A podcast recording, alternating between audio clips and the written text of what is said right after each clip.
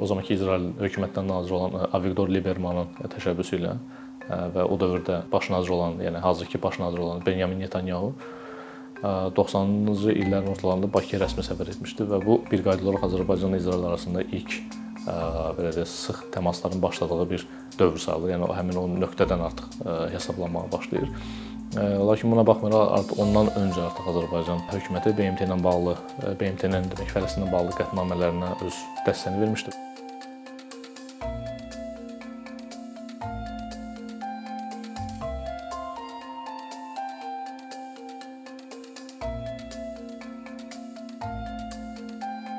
Hazırda Qəzza zolağında davam edən İsrail və Həmas təşkilatları arasında davam edən aktiv münaqişə bir daha qlobal dünyanın ən kompleks münaqişələrindən biri olan İsrail-Fələstin münaqişəsinə yenidən diqqət artırdı və bu müəyyən suallar, yəni yeni suallar yaratdı ki, hə, bu münaqişə həqiqətən sülh yolu və ya da danışıqlar yolu ilə həll edilə bilərmi, yox da ə, bu məsələnin ümumiyyətlə danışıqlar yolundan keçən bir həlli yolu yoxdurmu?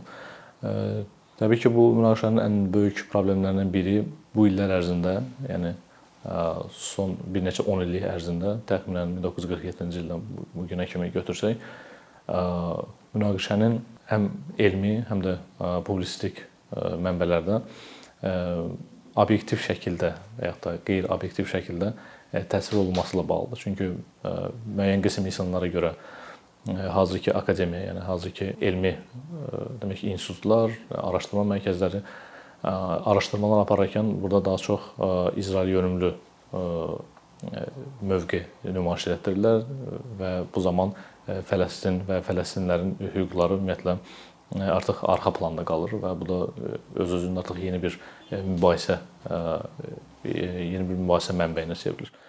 Təbii olaraq biz eyni zamanda İsrail və Fələstin münaqişəsi haqqında danışdıqda burada ə, burada kollektiv yaddaş, burada ümumiyyətlə kollektiv travma kimi terminləri də və anlayışları da nəzərdən keçirmək lazımdır. Çünki biz bilirik ki, Fələstin dövlətinin ümumiyyətlə mövcudluğu BMT-nin yəni zamanında qeyd edilən BMT-nin müvafiq qətnamələri əsasında təsdiq edilib və İsrail dövlətinə yanaşı Fələstin dövlətində mövcud olması və baxmayaraq ki, bütün dünya ölkələri BMT-nin bu qərarını tanıyır, onu dəstəkləyir, amma icra məsələsində burada artıq problem icra məsələsindədir. Çünki bu sadallanan böyük aparıcı dövlətlər, istər ABŞ, istər Almaniya, istər Böyük Britaniya və Fransa kimi aparıcı dövlətlər ümumiyyətlə İsrail dövləti ilə münasibətlərin korlanmasını və ya daha da mürəkkəb məcraya irəliləməsinin tərəfdarı olmadıqları üçün ümumiyyətlə icra məsələsində burada müəyyən axsamalar baş verir və bunun da əsas səbəbi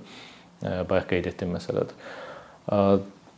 Bir digər maraqlı nüans odur ki, İsrailin yəni tutduğu bu mövqe və burada qeyd etmək lazımdır ki, İsrail özü yəni hazırda davam edən hərbi əməliyyatlar fonunda özünün özünü müdafiə etmə hüququ prinsipinə əsaslanır və iddia edir ki, oktyabrın 7-sində İsrailin cənub regionlarına başlanan bu hücumlar, yəni Həmasın təşkil etdiyi bu hücumlar İsraili avtomatik olaraq özünü müdafiə prinsipinə əsasən istənilən cür müdafiə metodlarından istifadə etməyə tam hüquq verir və də onun əməllərinə tam olaraq bəraət qazandırır. Onu da inkar etmək olmaz ki, bu əməliyyatlar yəni Qəzzada, Qəzzada baş verən həm havadan, həm qurudan İsrail müdafiə qüvvələrinin apardığı əməliyyat müəyyən mənada İsrailin xarici dünyada, yəni onun müəyyən dövlətlərlə olan münasibətlərinə də ə, təsirsiz ötüşmür.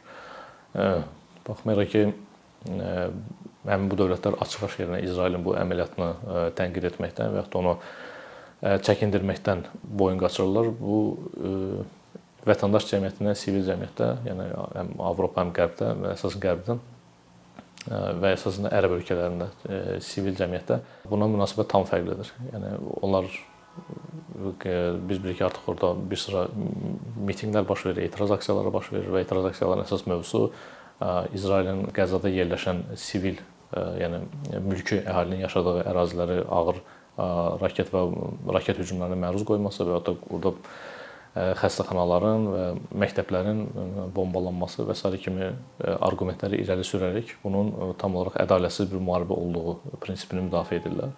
Və təbii ki, yaxın şərqdə əsasən bu münasibətlər özünü göstərir. Ə, Səudiyyə Ərəbistan kimi və ya Qətər kimi aparıcı ərəb dövlətləri artıq İsraili açıq-aşkar qınayırlar və müəyyən qərb ölkələrində bu İsrailin bu siyasətinə dəstək verməkdə ittiham edirlər. Bir digər aparıcı dövlət isə təbii ki, Türkiyədir.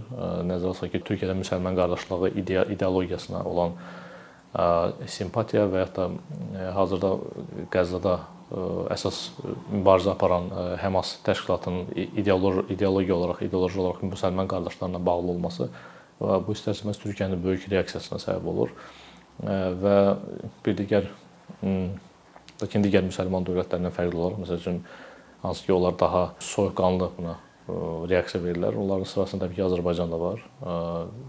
Çünki Azərbaycan nəzəri olaraq, yəni texniki olaraq sekulyar və dünyəvi bir dövlət olduğu üçün və Azərbaycanlıların belə deyək Fələstinlilərlə birgə yaşayış kimi bir kollektiv təcrübəsi olmadığı üçün ümumilikdə götürsək Fələstin məsələsini anlamaqda müəyyən mənada çətinliklər var və hətta orada bir sıra əngəllər var. Ona görə burada cəmiyyət əsasən yarıba-yarı belə deyək, yəni daha çox dini sentimentlərdən irəli gələrək bir qrup insan təbii ki, Fələstinliləri dəstəkləyir, lakin daha çox dünyəvi və ya da Azərbaycan İsraillə olan məhsullar əməkdaşlığını əsas gətirərək bir sıra bir qrup insanlar isə təbii ki, İsraili dəstəkləyirlər və onlar bütün bu prosesin başlama səbəbi kimi Həmasın və onun radikal ideologiya, mənsub olduğu radikal ideologiyanı arqument olaraq gətirirlər ki, proses məhz Həmas tərəfindən başladılıb və bu artıq sonu olmayan bir prosesdir. Və məhz bu baxımdan bu Azərbaycan hökumətinin xarici siyasətində də özünü göstərir. Yəni Azərbaycan dedik ki, həm enerji sahəsində, həm müdafiə təhlükəsizlik sahəsində İsraillə çox sıx təmasları olan bir dövlətdir. Eyni zamanda İsrail üçün Azərbaycan olduğu kifayət qədər vacib, kritik əhəmiyyət daşıyan bir ölkədir. Çünki həm neft məsələsində, yəni Azərbaycan bilir ki, İsrailə neft ixrac edən əsas ölkələrdən biridir və eyni zamanda burada mövcud olan, yəni tarixən mövcud olan etnik yəhudi icmasının illərlə burada yaşaması, yəni təhlükəsizlik və stabillik şəraitində yaşaması bu istəsəmiz artıq iki hökumət arasında da diplomatik münasibətlərin əsasını, özəyini təşkil edən fundamental məsələlərdən biridir. Lakin bununla belə, yəni qeyd etmək lazımdır ki, Azərbaycan özü də BMT-nin Fələstinlə bağlı qətnamələrini tam olaraq dəstəkləyir və Fələstin dövlətinin mövcud olmasında prinsipini inkar etmir və bilir ki, bu münaqişə başlandan sonra böyük olmasa da Azərbaycan artıq 2 dəfə Fələstinə humanitar yardım ilə bağlı qərar verib. Bu il ərzində İsraildə İsrail dövlətində səfirlik açılmasına paralel olaraq Fələstin muxtariyyətində də Azərbaycanın diplomatik nümayəndəliyinin təsis edilməsinə bağlı qərar verilib. Yəni bu bir növ Azərbaycanın apardığı bir balanslaşdırma siyasətidir. Hansı ki, məsələn üçün Türkiyədə biz bunu müşahidə etmirik və ya da Gürcüstan məsələsində biz bunu müşahidə etmirik. Məsələn, Gürcüstan hökuməti sırf olaraq İsraili dəstəkləyir bu məsələdə və ümumiyyətlə Fələstin hüquqlarına bağlı və ya Fələstin dövlətinin mövcudluğuna bağlı hər hansı məsələləri ümumiyyətlə bəyanatlarında qeyd etmir. Yəni burada dediyim kimi çox mürəkkəb və kompleks məsələ olduğu üçün burada balans və tarazlığı saxlamaq çox çətindir və Azərbaycan nadir regional dövlətlərdən biridir ki, bu baxımdan tarazlığı saxlaya bilər və maraqlı məqamlardan biri odur ki, apardığı bu balans siyasəti, tarazlıq siyasəti İsrail ilə olan münasibətlərinə də heç bir şəkildə və ya da Türkiyə ilə olan münasibətlərinə heç bir şəkildə mənfi təsirini göstərmir və bu nadir nümunələrdən biridir belə desək. Azərbaycan yürütdüyü bu balanslı siyasətin təbii ki, öz tarixi kökləri mövcuddur. Biz bilirik ki, 91-ci il müstəqillik yenidən bərpa olunduqdan sonra, Sovet İttifaqının dağılmasından sonra Azərbaycanın yəni yaxın qonşularına, daha çox İran və Türkiyə ilə münasibətləri çox da hamar deyildi.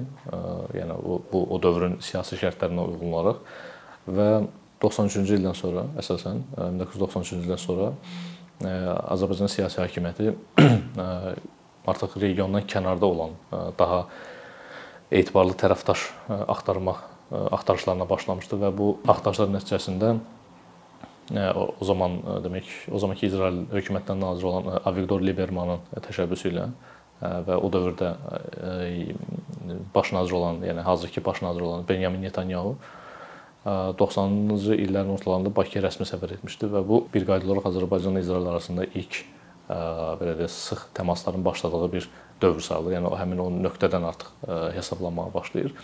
Lakin buna baxmayaraq artıq ondan öncə artıq Azərbaycan hökuməti BMT ilə bağlı, BMT-nin demək Fələstinlə bağlı qətnamələrinə öz dəstəyini vermişdi və bu qətnamələri təsdiq etmişdi. Yəni bayaq dediyim kimi Fələstin dövlətinin mövcudluğunu qəbul edirdi və mütəmadi olaraq yəni Fələstin burada səfirliyi artıq illərdir fəaliyyət göstərir və sırf bu səfirlik xəttindən Azərbaycan Fələstinlə də demək paralel münasibətlər davam etdirmişdi.